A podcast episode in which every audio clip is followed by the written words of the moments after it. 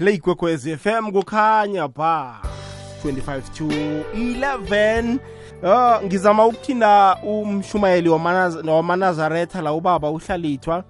Hayi angazi mhlambe i-low sharing la khona angazi ngibawabona ngithindeke nangabe uyawuthola umlayezo lo ayingeni eh hlalithwa inomboro. Ngiyabhala kungenzeka i-load sharing network into ezifana nalezo. Kodwana-ke ngimphethe ubaba umfundisi usibanyoni ngimphethe ubaba usofani ndala jamele isikhethu isindu. Ubaba umfundisi usibanyoni ujamele eh amakrestu umshumayeli wamanazaretha amashembe. Siza kuzama ukuthintana naye ngaphambi kobana ihlelo liphele. Sithembeke bona sizamthola. Eh, akhe ngithome la ngomfundisi usibanyoni mfundisi wami siyakwamukela kukwakhwez f m ngiyathokoza chigwana ngilotshise ngikulotshise ngilotshise nomlaleli ekhaya ngilotshise nobaba usofani ngiyangilotshisa nonke ngebizo lenkosi ujesu kristu. Siyathokoza kuleyo ndawo. Eh bamndala sikwamukele kukwakwezi f m lotshisa umlaleli. Eh sithokoze thigwana lapha kunobuchaphanyana obuncane mamthigwana ngazi ukuthi ngamlungisela bona. Iye eh ungangibamba ku-n t n lapho ngathi ngiyakhatha mina ngikuzwa kuhle. Oh ngikhe ngakuzama ngale ya- yabhala ukungena nayo. I-zero seven three ya-n t n. iye ibhalile ukungena mhlawumbe inetwork. Hawa inenetwork eningi khulu ke le ngizwa kabuhlungu akho ubuyele kiyo alright ba sijama akhe senze njalo sibone.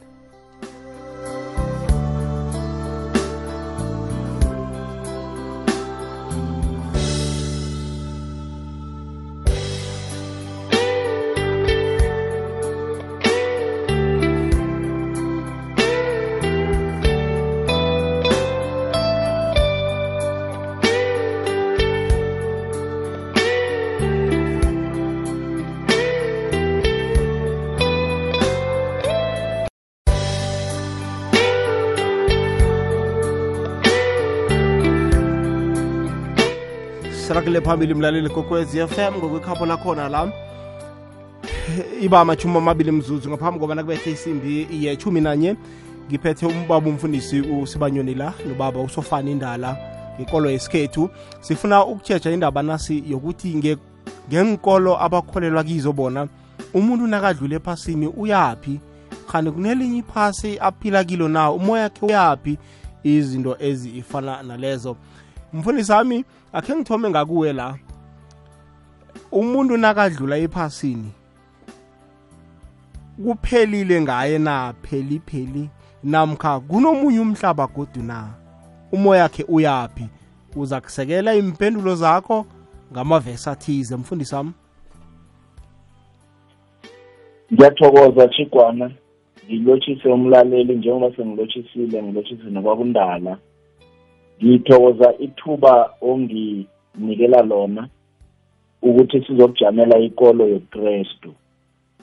Manje angithome lapha ngithi ekolweni yobukrestu sikholelwa ukuthi ilizwi lenkosi lisifundisa kugenesis ukuthi uzimu wabumba abantu ngomfuziselo wakhe. Wathi nakabumba umuntu wambumba umuntu lo waba yihlabathi.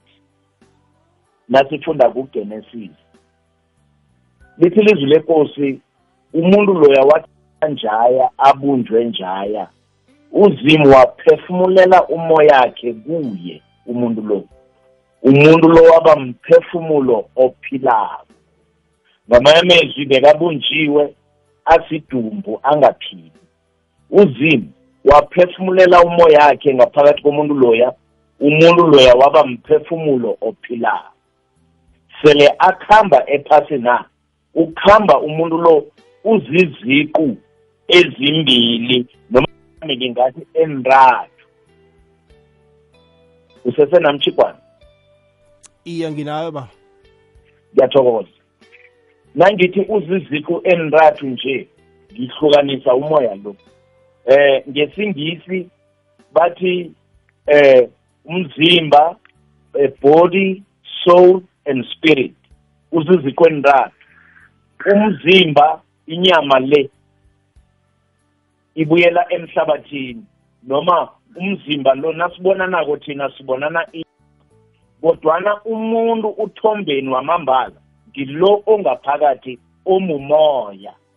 Manje umoya loya eh uhlukaniseke kabili kunomoya esiwuphefumulako esiwubiza ukuthi mphefumulo bese kube nomoya esiwubiza ukuthi yi-soul noma ngesintu singathi yihliziyo kula kuhlezi khona imizwa kula kuhlezi khona ukuhlakanipha kula kuhlezi khona ukujabula kula kuhlezi khona ukudana.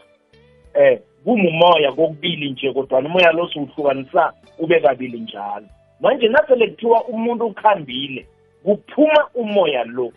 Ithi incwadi kamchumayeli 12 evesini ngabona ngelekhomba ithi bese umoya ubuyele kumnikazi kuzimu owawunikelako unakakuhamba phasini umoya ubuyela kuzimu kodwana umoya lo awupheli nje kuphela.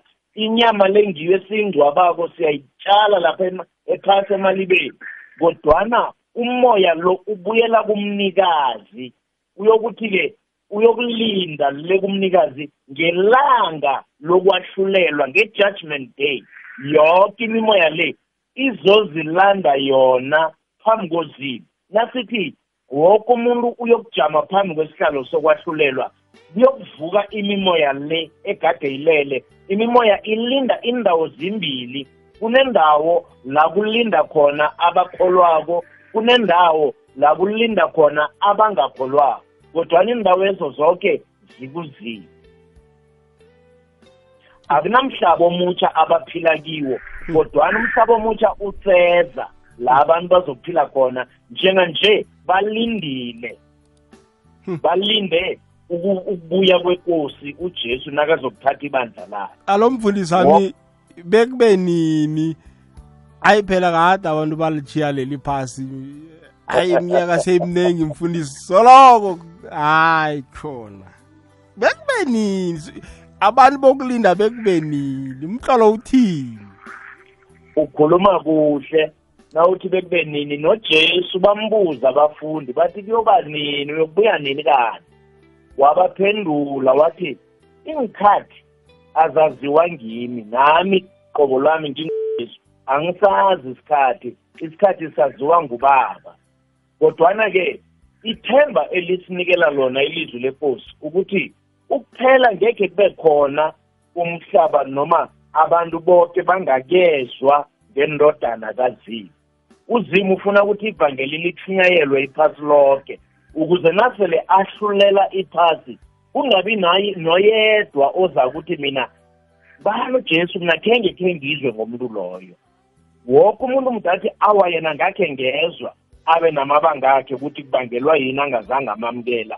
Kodwana woke umuntu ufanele a- uzimu ufe uneqiniso. Ufuna woke umuntu amdathi nakayokugwetjwa agwetshelwe into akhe ayizwa ngendlebe zakhe.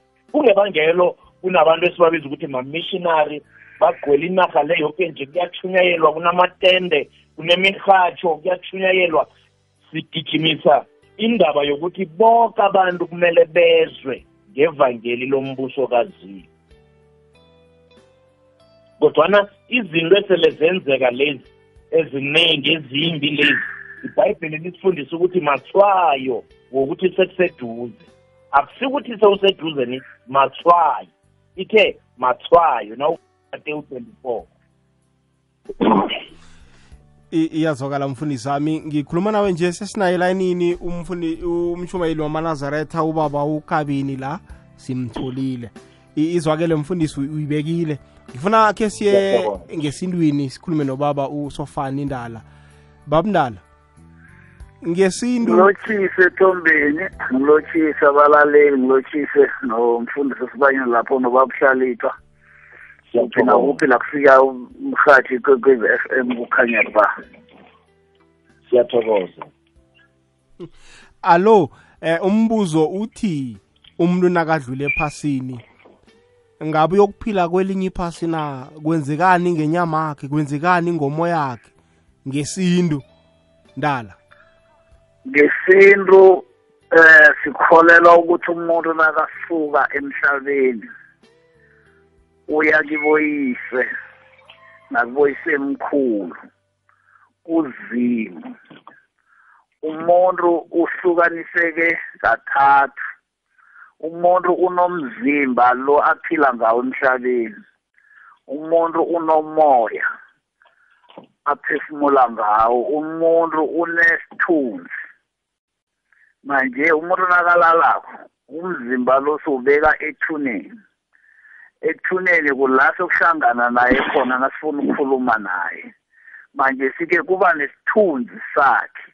Isithunzi siyele ezimini then thina sisele namathambo akhe la ithuna lakhe. Isithunzi sakhe siyele ezimini umoya uya kuzima manje sike sakhula kuthiwa umuntu nakaleleko uyabekwa.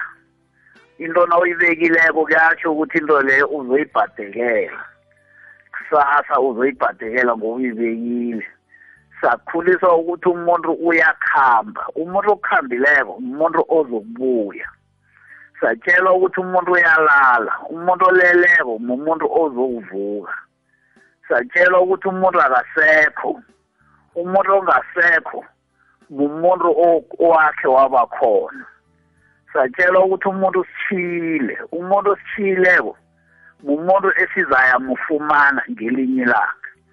So-ke thina sikholelwa ukuthi umuntu nakalalako uya ebezimini abezimu bakuzimu.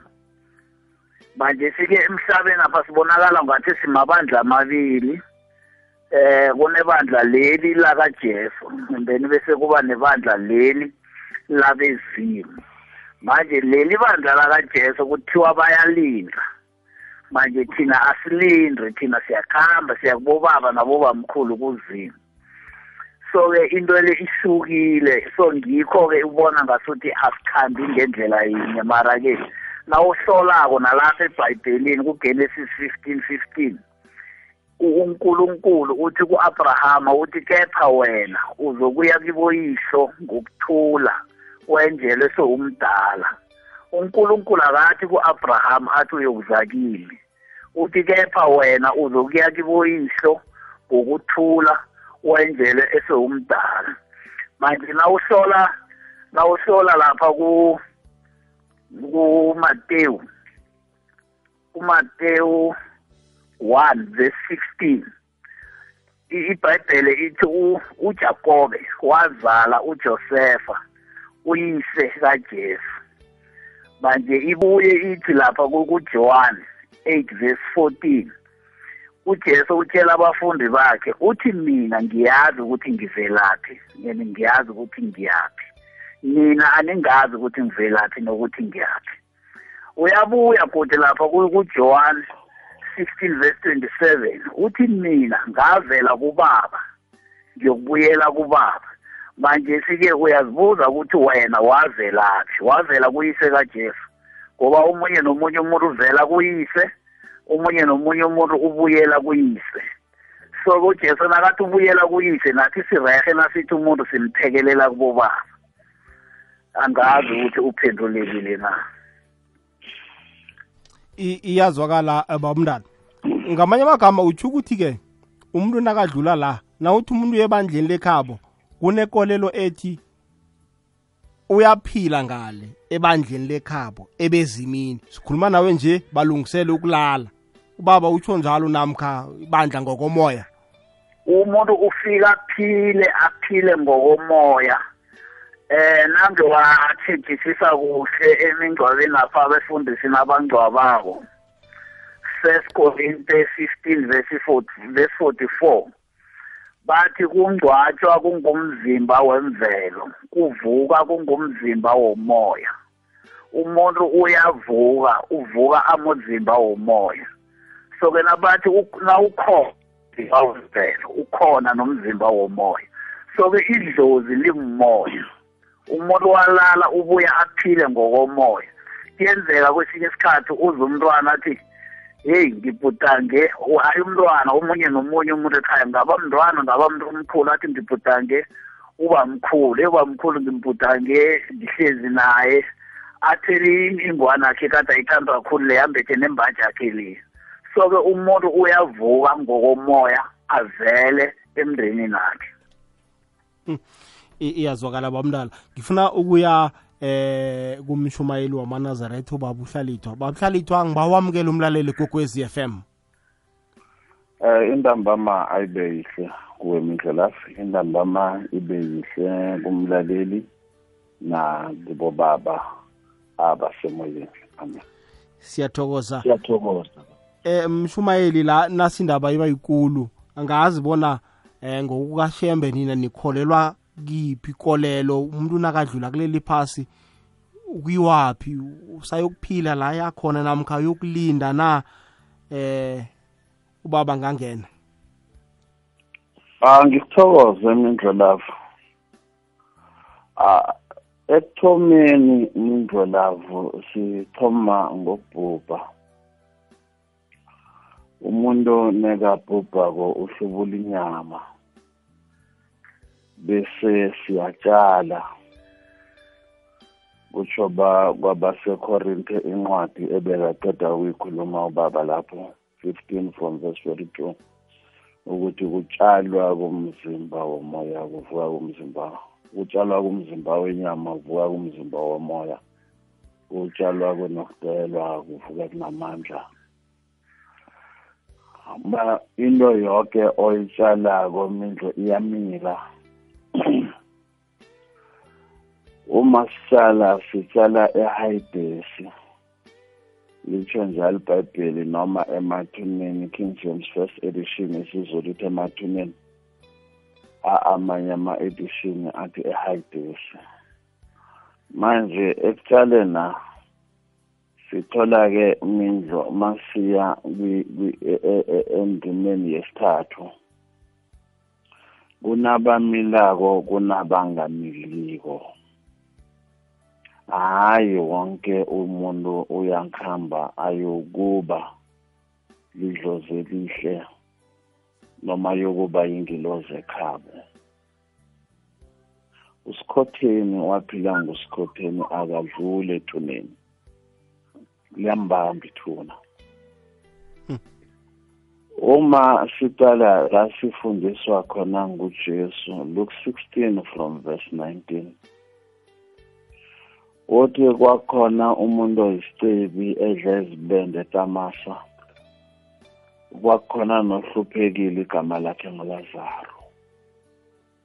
Uthi kwathi lo ohluphekile wafa wathola zingilozi zamusa kukhokho wakhe u-abrahama.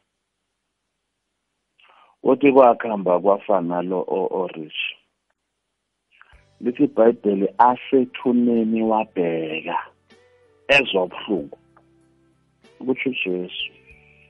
Uthi umuntu lo kade asethuneni waqala uthi kade ezwa ubuhlungu afile nje kutsho ujesu. Wabona ulazaro nesicebe bakude. Uyakhona ubabona mara akakhona ukufinyelela kibo ngoba yena ubanjwe lithuna uyakholela ukuthi baba abrahama ngiba ufaka umuntu ongemanzini ungithele ngelimini ngiyatsha uthi u-abraham athi nasisavakatshe emathuneni apho. Nona nisavakashela izenzo zakho zemhlabeni ngizo ezikubeka ethuneni apho. Manje kuningi la ujesu afakaza khona ukuthi siyadlula ethuneni. Naku-luke 23 verse 43 indoda yesilele sebeyizililela nebasethuneni ukuthi nawufika embusweni kayiso ungikhumbule. Uthi ujesu ngiqinisile ngiqinisile kusihlwa uyobunami eparadesi sicala nosamuel okuthoma chapter 28 verse 19 umpristi usamuel gabe sekafile ukhuluma nosawule ophilako. Uthi wena sawule uzimo wakhuluma ngami kuwe ngisaphila zangumlalele wena nabantwana bakho uzimo uyokunikela esandleni samafilisti. Lizothi kushinga ilanga kusasa uzobe ufile unami la.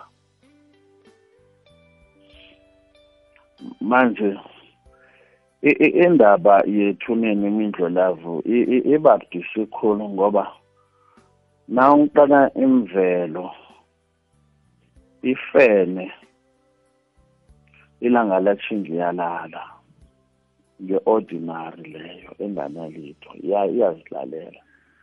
Maya abantu ababanjwe mathuna abantu abahlakaniphileko besintu bayakuhamba bayobagola babafake ngaphakathi kwemfene nangaphakathi kwenilwane bakhona ukubathuma. Ifene enganamuntu ngaphakathi imintlo angekhe wayithuma angekhe yakuzwa ukuthi uthini ayi- ayi- ayizwi language yomuntu izwi language yomfene. Mara selinomuntu ngaphakathi or bamthatha umuntu bamfake ngaphakathi kwenja or ukatsi or inyoni. Isilwane so siyakhona ukuthumeka ngoba sesinomuntu ngaphakathi. Leyo mindlelazi mimoya ebanjwe lithuna enganandawo efemelini. Kuyakhonakala ukuthi nezono zakho noma amaqala akho akubambe ethuneni ungangena. Emndenini. Ngikho ekugcineni uzwe bathi abantu napa bakhambile bayokuthatha iqhego lahlala epini kuphi kuphi. Abalazi nabo. Oh sihlakiswa nguba mkhulu nangora ugogo nangu azangenzelwa ubukhasi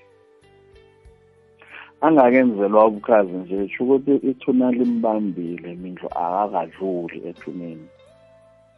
Ziningi-ke izinto ezenza umuntu abanjwe lithuna nabantu befemeli ababhubha bangezwani abangeni emndenini. Fanele abaseleko benze umnyanya wokuzwana benze ukubuyelana ekhaya ukuze laba bakhona ukubakhulula bayongena emndenini. So ukungena emndenini akho iparadesi lizulu lekheni hayi lalile kuNkulunkulu. Umuntu akabi noNkulunkulu ngoba lithi iBhayibheli kuPeter 4:6 ivangeli lashunyayelwa nakwabafileko tot nabafileko bayashunyayelwa. Nopetro wokuthoma chapter 3 nothoma kuverse 18 ethi ujesu wafa enyameni wavuka emoyeni. Wakhamba ngawo ukuyokushumayela abanye abafa ngesikhathi sikanoma. Besolo ashumayela indaba yombuso wezulu. Ngikhuluma indaba ye-hybris neparadise abanye balinde e-hybris abanye balinde eparadise abanye sho ukuthi abanye balinde emindeni nabo. Abanye balinde ethuneni. Abanye balinde ngaphakathi kwabantu. Instead ngiyabona. Ungithola fanele mindlulavu ngithwase Iye. mara ngiyo kuba yinyanga ngoba umoya omunye wekhaya awunandawo ufuna ukuhlala ngaphakathi kwami. Ngiyakuzwa hlalithwa. Alo ngekokolelo kashembe abantu abo bayaphila ngokomoya. Kulelo phasa bakilo emlindelweni loyo. Bayaphila na? Imoya le Ba- iyaphila ba- na? ba- bayaphila. Inyama iyafafi idliwe zimbungu ayisenasabelo usho njalo incwadi kamshumayeli. Mm. iyafafi angeke isavuka inyama angeke isenza next. Kuvuka umoya. Umuntu umumoya kuvuka umuntu kamoya. I- iya- umuntu iyazwakala. kamoya mindlela umuntu unomndeni wenyama nomndeni womoya umuntu ophilako. Unomndeni womoya wekheni nomndeni wenyama wekheni bese kusekulindeni lapho mindlelavu ibhayibheli lisitshela ukuthi baza kuvuka. Hmm. bese bayagwetshwa ngomhla wokuphela. Bebavuswa bonke bagwetshwa ngomhla wokuphela ithi abantu bazogwetshwa ngenxa yamakhamba abo. Abangakatholakali encwadini yokuphila bayokulahlwa emgodini womlilo sihoko leso esingekho esisazokuba khona. Abasindileko esihogweni lithi ibhayibheli bayokudla umbuso wezulu awuzukuba phezulu uzokuba semhlabeni. Nawufunda ibhayibheli amahubo 37 29 ithi abalungileyo bayakudla ifa lomhlaba bahlale kuwo njalo njalo. It means bahlale kuwo forever hayi umbuso ihlalithwa wezulu loyo. Iyazwakala khe ngingene nje emlonyeni kancane siza kuraga nayo. Funa sinikele nje umlaleli nethuba. 0794132172 0794132172 ngiyazi mlaleli kokwez FM uba nembuzo eminingi-ke eh kuyabuzwa abantu babuzana bathi ikhona impilo ngale kwethuna na? Ngisoke isikhathi sokuthi ungene nje ubuze. Umfundisi wami la ubaba undala nobaba ukabini. Umshumayeli kunala engibezwa bakhuluma ngazwi linye bona umoya lo uyaphila ndawana thize ebandleni lekhabo. Alo ngesikrestu ukhulu- uyikhulumisile nawe indaba yomoya. Wenzani umoya lo emlindelweni apha? Uyaphila na namkha sowulindile umoya lo? Ngiyathokoza chigwana khumbula ukuthi nangithomako ngithe uzimu nakabumba umuntu ngehlabathi.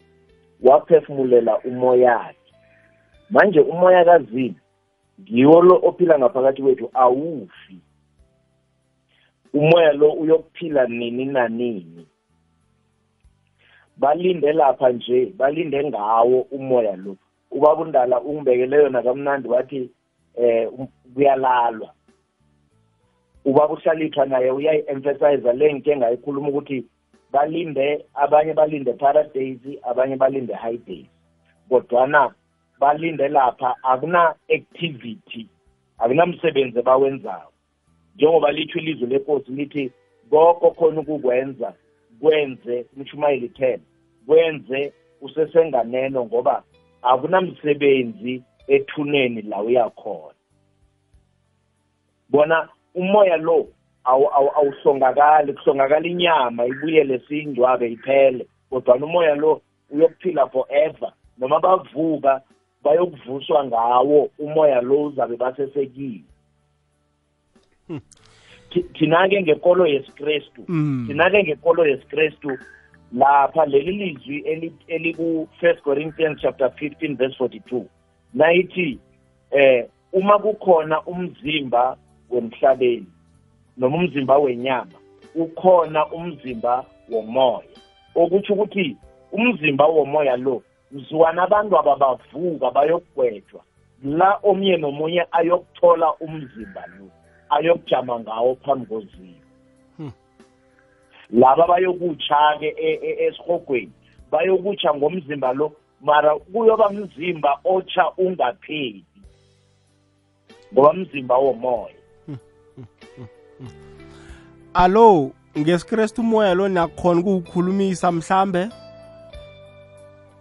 awa thina ngesikrestu eh ilizwi nalithi nawufunda umshumayeli uchapter 9 mm. umshumayeli chapter 9 verse 5 ikhuluma ngokuthi abaphilako bayazi bona bazokuhlongakala ngiba ukuyifunda msinyana eh Iye. umshumayeli 9 indinyana yesihlanu. Ithi eh oh cha, ngivula amahubo eh umshumayeli 9 masinyana nje ngithi umshumayeli 9 iye verse 5 abaphilako bayazi bonyana bazokuhlongakala kodwana abahlongakeleko abazi litho. Abasenamvuzo ngombana ukukhunjulwa kwabo akusekho. Ngitsho nethando labo ukuzonda kwabo nesikhwele sabo konke sekwanyamalala. Angeze bebasaba nesabelo. Kinanyana yini eyenzeka ngaphasi komthunzi welanga thina njengamakrestu sikholela ukuthi umuntu nasilakhambile aku- ak- akusekho into esingayikhuluma nayo iyazwakala mfundisi wami. Babumdala ngikuzwile nawe uthe umoya lo ulindile ebandleni lekhabo umuntu umoya lo ngesintu niyakhona ukuwukhulumisa na? Ukini? Iye ngikuwe. Sengitsho ukuthi umoya lo olindileko lo. Iye thombeni siyawukhulumisa umoya. Siyakhona ukuya ethuneni siyokubika lokho esikubikayo ke ngithi mhlambe nakho ekhaya kune ku- kuvele into embi of mhlambe kuvele into ehle ke sithi mhlambe siyo siyokubonga. Ngiyabona. Ngibo abezimu labo. Abo. And then bona kube ngibo abaya sibabusiso and sibona ngathi neqalikiso nasihluphekako sibona ukuthi nasibakwatisileko ngibo abakhamba bayofuna iqalekiso kuzimo. Iqalekiso yabona ubaba uhlalitha uyayikhuluma indaba yokuthi umuntu ubuya uyabuya emndenini ahlupheke ahluthwe lithuna. Into le ngathi ngayikhuluma ngelinye ilanga ngathi mina esintwini kunento okuthiwa sithethelelo. Umuntu vele ithuna liyambamba limbamba ngenxa yembereko wakhe izono zakhe. Nithi niyokuphahla lapha nanibuye ukuphahla kuthiwe heyi niphahlile mali into zenu azilungi. Umphahlo lo awubereki ngoba no umuntu lo uqothiwe ebandleni lekhabo. Uqothi uqothiswe imisebenzi yakhe kade ayenza emhlabeni. Manje sike kufuneka umndeni wenze isithethelelo. Kunesithethelelo bese kunomphahlo. Manje sabantu bathatha ukuthi umphahlo usesesithethelelo isithethelelo sisodwa. Isithethelelo ngilesi abantu nabathandazako bathi bathethelele njengoba nathi sibathethelele abasonileko. So thina esiphilako singakezi sithi simbawela intethelelo entweni ezimbi asenza zona asaphila. Nathi sizibawela intethelelo entweni ezimbi esamenza zona asaphila. So angekhe angene ebandleni singakambaweli intethelelo ake ngithi mhlambe umuntu lo ukade aphatha imithi. Manje umuntu aphatha imithi ubulala umndeni njengani ubabashawula icatsha athi umuntu bamthatha bamfake ngaphakathi kwesene into leyo yenziwa mndeni bathatha umoya umuntu bawufake ngaphakathi kokazi ngaphakathi kwenja and then kuloye umndeni lo. Umndeni lona ubhubha. Eh umuntu lo siyamtshela sithi sikuphekelela kibo baba nakubo mkhulu uyokuhlala kibo. Manje nalo oloyako lo naye mhlalalawo sithi sikuphekelela kibo baba nakubo bamkhulu ma uyofike abafumaneke abantu bomndeni ababaqedako ababafumane lapha. And then bese kufika lapha kuyagwetshwa-ke bese bayamqotha. Nabamqothako ubuyela phezu kwethu abantu abakhe. Thoma kuhlupheka thina-ke kuthiwe khamba nokuphahla. Nasiyokuphahla umphahla wethu lo awubereki ngoba umuntu lo uqothiwe le sicela iinhlanhla emntwini oqothweko kanti kufanele simbawele intethelelo kanje simenzele isithethelelo bathi bangamxolela simgeze nakufanele ukuthi ageza njeni? Abe lidlozi elihle so-ke thina umuntu siyamkhulumisa and thina sinenkolelo yokuthi abobamkhulu la bakhona. Baseduze kozimu ngibo abakhamba bayosibawela imbusiso kuzimu. Ngemisebenzi yethu and ngibo abakhamba bayosibawela iqalekiso ngiyabona na ungahlola ebhayibhelini ngiyabona ku Deuteronomy 22 verse 28 ibhayibhele ithi uNkulunkulu uthi ngizokubetha ngesifuba ngikubethe ngokuthisa komzimba ngikubethe ngamathumba ngikubethe ngekhwekhwe so ngikubethe emadolweni ngikubethe enyaweni ngikubethe edinini. So umuntu thina nakaphethwe madolo siyabona ukuthi umuntu lo ziqalekiso ezibuya ebezimini. Umuntu lo uphethwe zinyawo ziqalekiso ezibuya ebezimini. So thina siyazi ukuthi abantu bethu baseduze nozimo manje-ke iyahlukana nayifika ngale ngemakholweni. Amakholwa bathi bona bayalinda. Manje labalindako balinde ujesu ujesu usayokukhuluma noyise ukuthi ngiyonifunela indawo kulwazi ku-john fourteen kuthi ngiyonifunela indawo nangiyitholileko indawo ngizobuya ngizonitshela. Manje sike umuntu unoyise emhlabeni unoyise ezulwini. Lesikomna ujesu nafundisa abantu ukuthandaza uthi nithani baba wethu osezulwini. So-ke unkulunkulu ngubabethu sonke ngoba sonke sadalwa nguye. So-ke sonke sinobaba emhlabeni. Omunye nomunye umuntu unobaba emhlabeni ngisho yena ujesu unoyise nonina emhlabeni. Mara kunobaba wethu osezulwini. Ujesu uyikhuluma kuhle uthi mina ngavela kubaba ngibuyela kubaba. Manje nami ngingusofani ngavela kubaba nangikhambe emhlabeni ngibuyela kubaba. So-ke na wangazi ukuthi ihlukanaphi lapho ngoba ujesu uthi yena ubuye. no iyazwakala hayi iyazwakala bamdala inandi iye sisesenawe baba. Inandi yaqu- yaqunda kancane. Mara-ke eh Angizwa. iphuzu lakho silizwile. Ntombi, ya siyakuzwa babamdala uyibekile sesitsho ukuthi iphuzu lakho silizwi- ya siyakuzwa babamdala Ntombeni, babamdala uyangizwa? iye siyakuzwa. Manje si uJesu uyayifakaza. La ku kuJohn 20 verse 17 uthi khamba uyokutshela abazalwane ukuthi mina nginyukela kubaba naboyihlo nakunkulunkulu wami nonkulunkulu wenu. Manje iyasirara-ke lapho ujesu maselasithi uyabuyise nababa. Uthi nginyukela kubaba nakuboyihlo nakunkulunkulu iyachaza into lokuthi omunye nomunye umuntu unoyise osemhlabeni and then bese wethu osezulwini. Nasithandaza kusithi baba wethu osezulwini unkulunkulu ngubabethu sonke. Maye le yokuthi ujesu yena uyindodana ka- kankulunkulu angazi ukuthi ngide ngiyichaze njani ngoba ibhayibheli liyatsho ngisho umntwana omncane ongambuza ukuthi ngubani uyise kajesu uzakutshela ukuthi ngujosefa unina ngubani ngumariya. Maye ukuthi batsho uyindodana kankulunkulu. Heyi angangizazi angifuna ukuyikhuluma khulu kethi baba no babamdala leyo asiliselela umfundisi. Eh salithwa ngifuna ngifuna ukuya kumlaleli la. Ngidlule nangakuwe ngombuzo lokuthi ngokukashembe umoya lo niyawukhulumisa na? Namkha ulindile nje kwaphela aba unasa awunasabelo kwabaphilayo? Eh njengoba ngishwile mindlu. Bamundeni osemoyeni asiqale eBhayibhelini Joshua 1 verse 1 uthi uNkulunkulu ku- ku- ku- ku- kuJoshua Joshua inceku yami uMosi ufile. Qhubeka umsebenzi ebewenza nguMosi ngoba uMosi ufile. But mawufunda kuMatthew 17 from verse 1 ithi uJesu uJesu wathatha uJakobe noJohane umfowabo bakhuphukele entabeni ebodwa.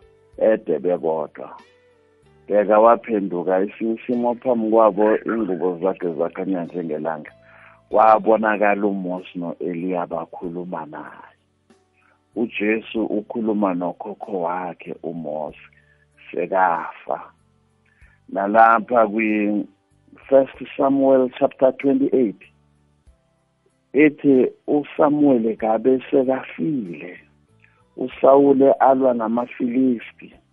Uzimu zangeze kuye ngamaphupho zangeze nangabaprofeti.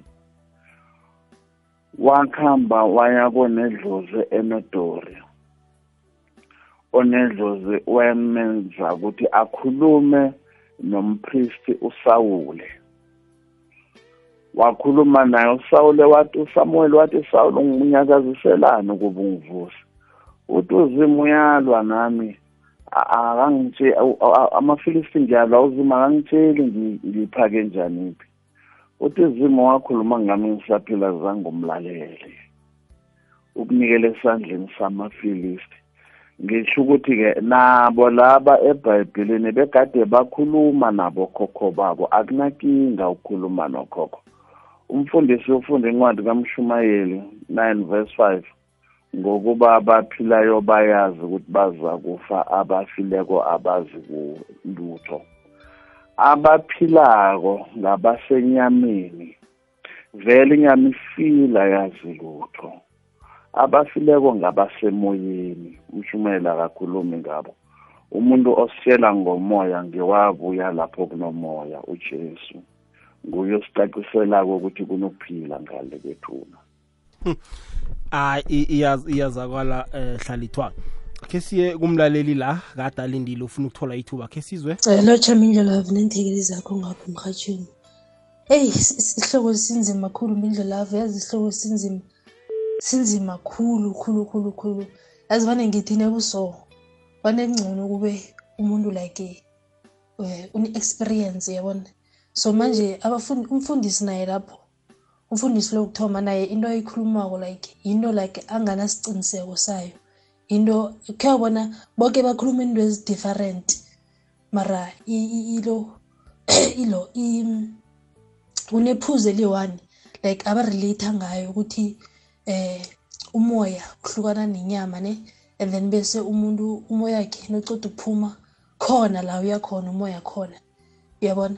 Mara into abayikhulumako ayi ayikhona. into abangana experience ngayo yabona? Njengobaba lapho ukhulumile umfundisi wokuthoma ukuthi lo umoya nethi noceda ukuhlukana nenyama eh uya ubuyela kuzimu nofika kuzimu and then bese kuzokuhlukaniseka ukuthi eh umoya onje uyaphi kwenzakalani lwaso and then ubaba lapho omunye ukhulumile ukuthi sithunzi siya siye bezimini.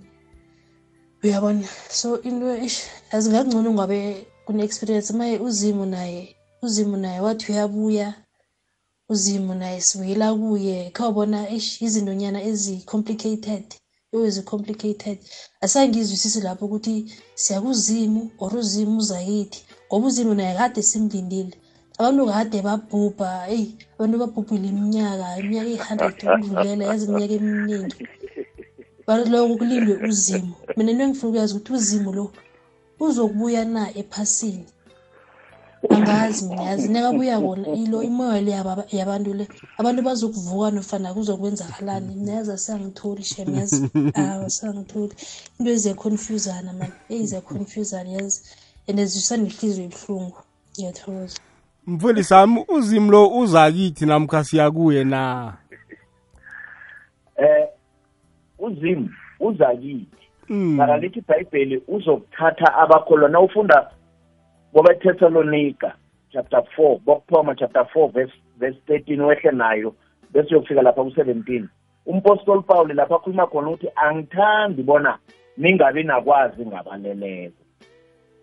Yena ujesu lo uzokuza kodwana angekhe afike ephasini abantu uzokuthi asesephezulu abafe bekukristu jesu. Bazokuvuka bamhlangabeze bazokuya kuwo bese-ke kusazokuphilwa isikhathi esithize bakuhlalithwa ukhuluma indaba yokuthi ekugcineni kuzoba nomhlaba omutsha. Kulapha-ke izulu elitsha nomhlaba omutsha i mean izulu elidala lingasekho nomhlaba omdala kuzokuvela umhlaba omutsha. Seliyeza-ke iparadise lizokuba sephasini. Kodwana kune-process ezokwenzeka. Udadewethu umfile nakathi uhlanga uya- uyahlangahlangana vele la zinkolo eziyi-three angekhe savumelana. Mina ngikhulumela ukristu ubaba ukabini ukhulumela ikolo yamanazaretha ubaba undala ukhulumela ikolo ye-ATR noma African Traditional Religion. Angekhe savumelana ngazwi linye ngoba zinkolo ezintathu lezi ezihlangene la namhlanje. Hayi iyazwakala mfundisi wami. 086 000 3278 inomboro yomtato yokungena emoyeni 086 000 3278 khe siza umlaleli? Eh mhathi wami ngiyakulotshisa ebusukwini banamhlanje nezithekeli zakho ubaba usibanyoni nobaba undala nomfundisi ushembe ngapha. Mina mekithi imindlo lava hey ibhayibheli ikhuluma into eziningi and sikholelwa ngento ezihlukahlukileko. Manje ngiyamangala njengoba usathane nje zingoba ekufeni sekangenile ibhayibheli yasho yathi niza kuhamba ngokufa okuhlukahlukene la emhlabeni. Manje mina bengithi na ngifuna ukwazi ukuthi makube ba wakhamba la emhlabeni ngokukufaka itayere bakuchisa or, wathola ingozi ekoloyini atsha noke nabamlotha. Manje ngesikhathi leso niyokuvuka kwe niyokuvuka khona ngesikhathi sakankulunkulu afuna ukuthi nivuke ngaso. Yokuba njani? Yokuhlanganisa amilotha leya ibuyele ibe mathambo bese aphefumulela umphefumulo off angazi. Ngibuza kubafundisi maybe impendulo ngayithola komunye umfundisi. Ngiyathokoza mindlo lapha Bob- nobusuku obumnandi kukhanya ba. Siyathokoza. Babumdala nasi indaba? Eh tofini angiphasi ngazi eh, indaba yokuthi uNkulunkulu uzoku uJesu uzokubuya abantu bazokuvuka. Thina sazi ukuthi nje abobaba nabobamkhulu basezulwini kuzimu. Manje siyamakholwa bathi abantu balinde balinde umhla wokuphela mhla kulili ichilongo lokho kusitshela ukuthi njenganje sikhuluma nje ezulwini akunamuntu. Manje thina ngapha ngakithi sazi ukuthi abantu bayakhamba baya ebezimini kuzimu manje siyayibona into le ngengakhona ukuyiphendula yabantu abatshileko ukuthi bazokubuya bahlanganiswe. Mina ngazi ukuthi mina umuntu ukuhamba ngesithunzi isithunzi somuntu ngiso esiphilako ngoba ngitshile ngathi mina kunomzimba womoya. Kuthiwa nawo nawawukhona umzimba we wemvelo nomzimba womoya uzoba khona. Nokusho ukuthi ubaba waye khona kusho ukuthi ubaba womoya uzoba khona. Naye ubaba nazange abe khona vele ngekho abakhona ngoba azange abe khona. So umuntu nazange abe khona ngekho aphinde abe khona. Mawukuthi umuntu uzokuthi nakatshisweko abuye kude batsho bamhlanganise awu angazi baba. Mina ngazi ukuthi umuntu waphuma umoya yakhe uya kuzimu isithunzi sakhe siye bezimini and then thina i-meeting point la sihlangana khona nawo la emathuneni la basambeka khona nasifuna ukukhuluma naye serious siya lapho. Nakutsho ukuthi asikhoni ukukhuluma naye emsamo kosa ukuthi siye kuye ethuneni nakangasabeliko lapho emsamo. Iyazwakala khe sizwe la?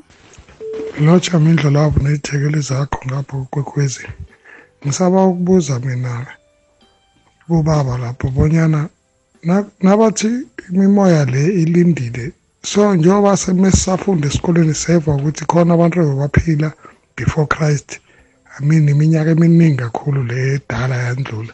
So sonke lesikhathi leso basalindile nanje basalindile khe nithi bangikhahlulule lapho? Sithokoze imindlu lapho hlalithwa nasindaba angithokoze. Mindlo asiye kugenesis 15 15 unobantu ekhe wayivula lapho. Mm. ethi nawe uza kufa sewumdala umbelwe ngokuthula. Esizukulwaneni sesine ubuye.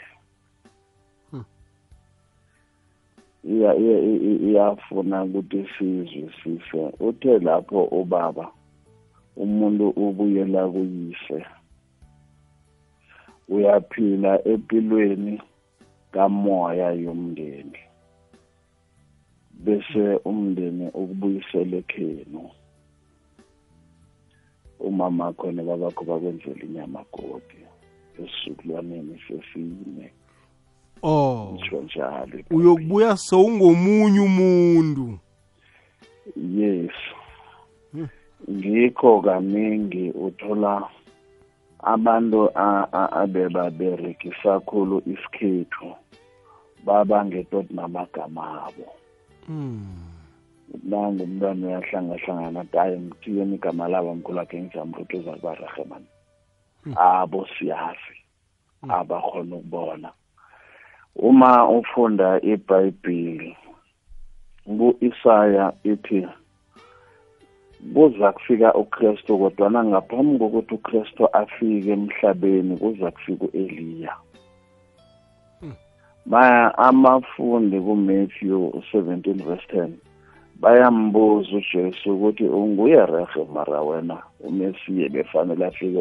Uthi iye.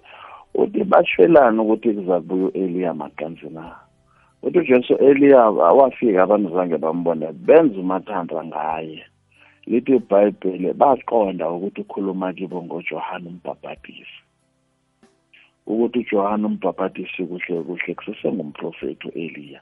Ngoba noma uyifunde ekutomeni lekuluke one makumemezelwa ukuza kukajesu nokuza kuka-eliya nokukajohane nebakhuluma no-elizabeth bathi umntwana wakho lo uzokuba nomntwana. Uza kuhamba ngamandla nangomoya ka-eliya kutsho ingilozi. uJohn uza ukuhamba ngamandla nangomoya ka-eliya. Maye nojesu uyayiveza ukuthi angu-eliya loya muza bambuleleko loyo john umbhabhatisi wafika bambulala nilindire muphi? Nifuna vele ezulwini. Uyazalwa. No iyazwakala hlalithwa ngifuna ke siyokunikela umlaleli nesikhathi sampheze siyasiphelela la. Chikwane eh sanibonani imindla ufuna ungena mfundisi? Eh yangena mfundisi wami. Ya kunomlaleli obuzileko. Ngicabanga ukuthi umbuzo lo bewuqonde kimi. Simphendule napha abantu bayatsha batshiswa imodela mm bayo bayokuvuka njani angithi ngimo okhulume ngendaba yo- yo- yokuvuka kwabasileko nokuthi bayalinda mm eh uma ufunda incwadi yesambulo 20 verse 13 ithi ilwandle lakhupha bonke abafileko abe bakile ukufa nendawo yabafileko kwakhupha abafileko abe bahlezi kikho. Bonke bagwetjwa ukuya ngokwemisebenzi abayenzileko. Ngifuna ukuthini? Ngifuna ukuthi ukuthi umuntu uchisiwe or umuntu ubhalwe esitimela or wenze njani akuthwenyi lokho. Ngelanga lokuvuka omnye nomunye uyokuvukela lapho. Ukuthi umuntu ukuhambe njani lokho akusiyinkinga bazokuvuka and ukulinda. Ubabazi lincane othi kade salinda ibhayibheli ithi kusesena-thousand years abantu abasazoyilala emathuneni. Basababaza kancane kusazokulindwa. Ngoba ivangeli alikathunyayelwa umhlaba wonke kusazokuthunyayelwa abantu bamele bezwe ngokrestu bese-ke kukhona ukubuya ukuphela kuba khona. Iyazwaka iyazwakala mfundisi ami khe sizwe la? Love labafundisi estudio. Yeah. There is life after death overall. Eh kuyiqiniso konke abakukhulumayo abafundisi. But my question is ibhayibheli lithi umaria magdalena nabafowabo baya ethuneni ujesu sekangcwatshiwe bamthola sekavukile. And then mawufunda futhi ibhayibheli lithi nimfun- nimfunelani ophilayo kwabafileyo na? And then it raises a question ethi eh abanye babazalwane bathi uma umuntu sekashonile indlela yakhe iphelela lapho abanye abasa abasayi ethuneni ukuyomklina bambiza ngokuthi idimoni abanye bathi idlozi. So ngicela ukuthi uchazwe ukuthi uma uya ethuneni uyobona isihlobo sakho noma uyoklina khona ethuneni kuyisono na? Eh mfundisi nga nga 5 seconds akhe simphendule msinyazana. Ukuklinela ukuklina ithuna lesihlobo sakhe angazi ukuthi kungaba siso angiboni kusisono Mm. ukuklina ithuna le- lesihlobo sakhe. Mm. akusiso isono ukukhulumisa isihlobo sakhe sileleko khona ethuneni nakaqeda ukuklina. Thina njengamakrestu asikhulumi nomuntu ongasekho. Ngisho Mm. amakrestu. And ngifuna ukuthi ngisize umlaleli ukuthi i-research iveza ukuthi abantu aba- amasondo azibiza ngamakrestu emhlabeni ayeca ku-forty thousand. Mm. so baningi khulu. Abanye bamakrestu bakholelwa ukuthi bayakhuluma nesidumbu. Abanye bamakrestu bakholelwa ukuthi abakhulumi. Mina ngingilo mkrestu othi asikhulumi nomuntu oselalele. Manje ke mfundisi wami aye ngibone lokha umuntu nakaphuma ekhaya ayokubulungwa emathuneni bakwabo bamkhulumisa batsho ukuthi nje uyakhamba uyakubo eh kubamkhulu ungabuyi ngiyolaka into ezifana nalezo. Amakrestu umuntu uvela aphume eciye gakhambe ayokubekwa anikhulumi iye kangangokuthi sibuyele kilabo abanye aba- abakhambe banyamalale bangaziwa bona bakhulunyiswe ngibani labakhona angitsho labo bayabalanda bayabalanda asi labo bayabalanda oh oh, utsho ola- olahlekileko. Sengitsho ukuthi umuntu nangukhambile akaziwa ukuthi uyephi oh. Iye. No thina njengamakrestu mm. abasimboni eqidrada ngoba ibhayibheli lisitshela kuhle ukuthi ukhambile ulele. Uzokuvuka ngelinye ilanga sibe naye. Iyazwakala A- a- a- akubi mlando lokho ukuthi asikamkhulumisi oh, okay baba. I- iyazwakala. Khe ngizwe la sinyazana? Ngiyathokoza gogozini. Ngithokoza isihloko sinje bafundisi umoya womphefumulo nawo uzothini emangcwabeni? Lala la ulinde ukhala kwecilongo luyokhala nini? Umoya ongumphefumulo umukisa kwabakibo uvuswa ngabakibo kula sivusa khona sithi ubaba ngubani igama simvusa ngobani. Ngibona injalo mina. Uzolinda until nini? Thokoza. Iyazwakala? Eh Mindlo Love sanibonani sanibonani nabafundisi bonke lapho nobaba omele eh indlu yendabuko or u- indlu ya yabantu abakholelwa ukuthi umuntu akashoni uyalala. Eh Mindlo Love ujima kwamashaba endaweni yaseClarent Extension 3 sometimes imidlo love nabafundisi lapho ibhayibheli likhuluma kaningi. Uma ungabheka amavesi uma ulifunda uya phambili liyakufunda liphinde libuye liyokuchazela kwenye indawo kwelinye ivesi.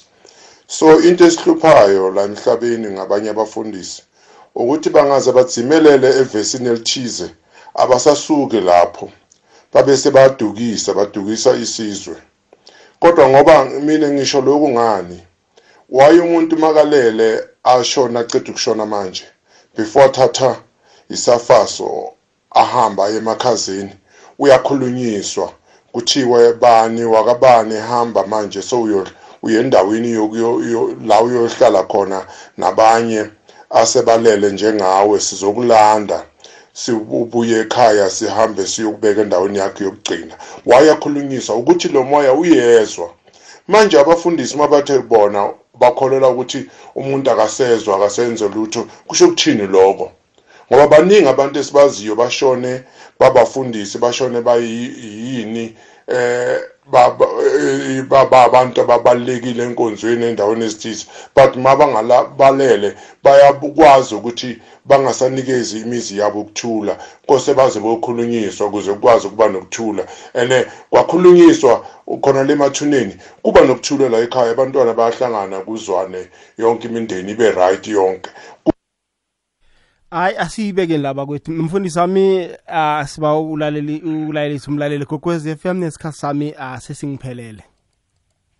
Sithokozile lalela ekhaya eh uzima kabusise ngifuna ukuthi sitsho ukuthi ilizwi lenkosi ngilo elimhlahlandlela. Sibanengi eh kuya ngokuthi sikholelwa kuphi. Mina ngikholelwa ezwini lenkosi njengoba likhuluma. Inkosi ayinibusise ibusise nabo baba. Amen. Siyathokoza mfundisi. Eh babundala layelisa umlaleli gokwezi yeah sithokoze sithokoze sithokoze nabo babukabini nabo babo sibanyoni and then sikhulume ukuthi i- isintu isintu isintu asi asipheli isintu sikhamba sinjalo. uNkulunkulu wadala izulu nomhlaba wadala abantu abantu badala imindeni yabo. So ke u- nasiyicala nge- ngekukholweni ujesu wakha amabandla ayikho into ayayidalako. So sikhamba thina sikhamba ngetestamente elidala. Itestamente elidala likhamba ngesintu sethu. Thina umuntu wakwenzeka umuntu wakuhamba a- a- alobolile angakahlaba ubukhazi. Siyakuhamba siyom- si- siyomthatha ethuneni sizomhlabeli ubukhazi bakhe. Mara sikakezwa amakholwa. Bathi siyokuthatha ubani bani ethuneni wakuhamba angakafaki iring yomtshato sizomfaka iring yomtshato asikezwa amakholwa bathi siyokuthatha ubani bani wakuhamba angakabhabhadiswa sizombhabhadisa. Thina siyakuhamba siyomthatha umuntu nakuhamba angakaphethi isiko lethu sizomphethela isiko lethu ngoba unkulunkulu wathi lesi sivumelwano sami nawe abrahama esizukulwaneni ngesizukulwane. Ngiyathokoza siyathokoza. Um hlalithwa mm, layelisa umlaleli gokwezi Ah ngikuthokoze Mindlo Love. Ngithokoze nomfundisi lapho nobaba nabalaleli kokwezi m. Ah Mindlo ngikholelwa ekutheni isihloko esibe naso namhlanje si-incomplete. Asikakamuheliphi ampuro mlaleli. Silethe i-problem asikakalethi i-solution mhlambe ngelinye ilanga ke sisithubekise iye ngibona njalo nami. no-solution ngenxa yesikhathi esingedesi ngibona njalo nami sibethe isikhathi la nomlaleli bekanetshisakalo yokungenelela. Imibuzo sesemningi ama-whatsapp maningi siza sibuyisa ngelinye lamalanga. Mfundisi usibanyoni ngiyathokoza babu. Ndala ngiyathokoza babu. Kabeni nithokozile ningalahli nakusasa. Ngiyabonga. awuzeke Oh. njalo umlaleli kokwezi FM sithokozile.